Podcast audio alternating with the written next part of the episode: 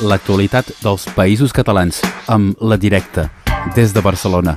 La Directa, diari digital per la transformació social.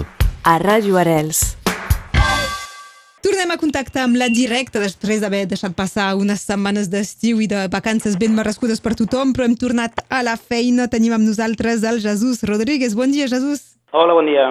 I hem de parlar del nou número en paper, el número 552, i a la portada ens, ens feu por, ens dieu que, que ens vigilen.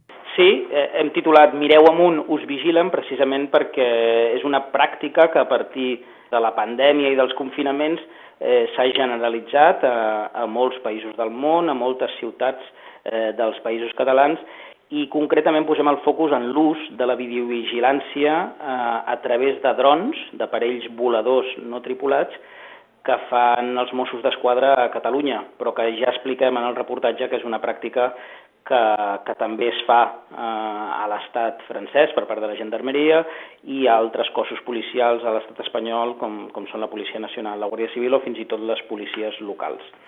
El reportatge se centra sobretot a explicar com és aquest ús de, dels drons, la casuística concreta de en quin tipus de mobilitzacions ciutadanes es fan servir aquestes càmeres ubicades en aparells voladors no tripulats i com és la legislació i el control sobre les imatges que, que es recullen. I la finalitat, eh, també.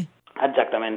Eh, quina és eh, aquesta, aquesta pràctica? Doncs eh, el que hem pogut veure a partir de l'estadística mateixa que ens ha proporcionat el cos de Mossos d'Esquadra, després de moltes eh, peticions a través del seu eh, canal de transparència, doncs hem aconseguit eh, una sèrie de dades que ens certifiquen que en un percentatge molt important, un, un terç dels usos d'aquests drons en els cels de, de Catalunya, en un terç de les ocasions les càmeres el que fan és enfocar eh, i fer seguiment de mobilitzacions ciutadanes, tant siguin concentracions o manifestacions, com eh, mobilitzacions del tipus eh, de resistències a desnonaments. Seria, doncs, més d'un 30% de les ocasions es fan servir eh, per aquest tipus d'investigacions. I un dels elements que més ens ha, ens ha alertat i és més destacat d'aquest reportatge, és el fet que des del 1 de juny del 2021, és a dir, fa, fa poc més d'un any, l'ús d'aquestes càmeres incrustades en els drons eh, es fa sense cap tipus de control judicial. en base a l'entrada en vigor d'una nova llei del, del govern espanyol, una llei sobre l'ús de, bueno, de com es regulava l'ús de, dels bancs de dades i de la informació recollida pels cossos policials, en base a aquesta normativa eh, s'ha de, desregulat la, la, el protocol que hi havia a Catalunya d'ús de càmeres de videovigilància que obligava a fer una informació eh, sistemàtica de l'ús d'aquestes càmeres amb un organisme que s'anomenava eh, Comissió de Control dels Dispositius de Videovigilància de Catalunya, doncs aquestes comunicacions ja no es fan. Per tant, la policia decideix quan es fan servir els drons amb càmeres de videovigilància, el control sobre les imatges recollides el, el fa la pròpia policia i la destrucció d'aquestes imatges, quan es fa aquesta destrucció i, i i, quines raons porten a, a destruir o no destruir aquestes imatges també ho decideix la pròpia policia. És a dir, que en tot el traçat, la traçabilitat d'aquestes bases de dades recollides, eh, no hi ha cap eh, supervisió eh, de fora del cos policial, una supervisió independent que podria ser eh, per la via judicial, doncs ha desaparegut és doncs, eh, el, que, el que es reflecteix i el que surt d'aquest uh, ampli reportatge. Evidentment, emplacem a tothom a, a llegir que trobaran molta més informació en la versió paper de, de la directa en el número 552. I no, no deixem, no ens allunyem massa, guardem un, un cos policial, però en aquest cas amb l'infiltració de, de grups.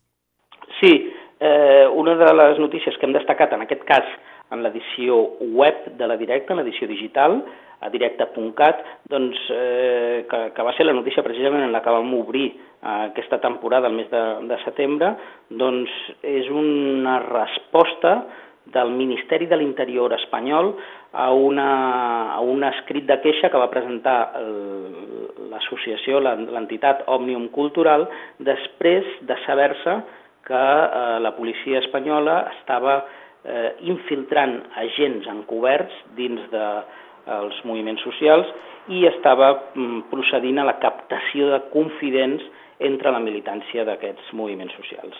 Eh, com va ser, per exemple, el cas de la infiltració d'un agent de la, policia, de la policia espanyola al Sindicat d'Estudiants dels Països Catalans, doncs la resposta que fa el Ministeri de l'Interior espanyol és que efectivament aquesta pràctica s'està fent, ho reconeixen de manera oberta i diuen que és l'única via que tenen, la infiltració d'agents encoberts eh, amb identitats falses, és l'única via que tenen per investigar moviments en els que eh, hi ha eh, multimilitància i és molt difícil fer un seguiment de l'activitat d'aquests moviments. I ho justifiquen dient que dins d'aquests moviments hi pot haver connexions amb activitats terroristes.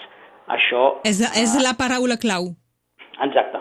Eh, L'ús del, de les, no, del, de l'acusació de, de terrorisme és el que justifica aquesta infiltració d'agents dintre del moviment independentista en general i d'altres moviments socials a l'estat espanyol. La resposta del Ministeri de l'Interior, eh, com era d'esperar, doncs, ha generat eh, molta controvèrsia i moltes crítiques per part de les entitats independentistes a Catalunya i fins i tot eh, el conjunt de, de partits eh, polítics, no només independentistes, fins i tot els propis eh, comuns també, també ho han criticat eh, malgrat que estan en el propi govern espanyol.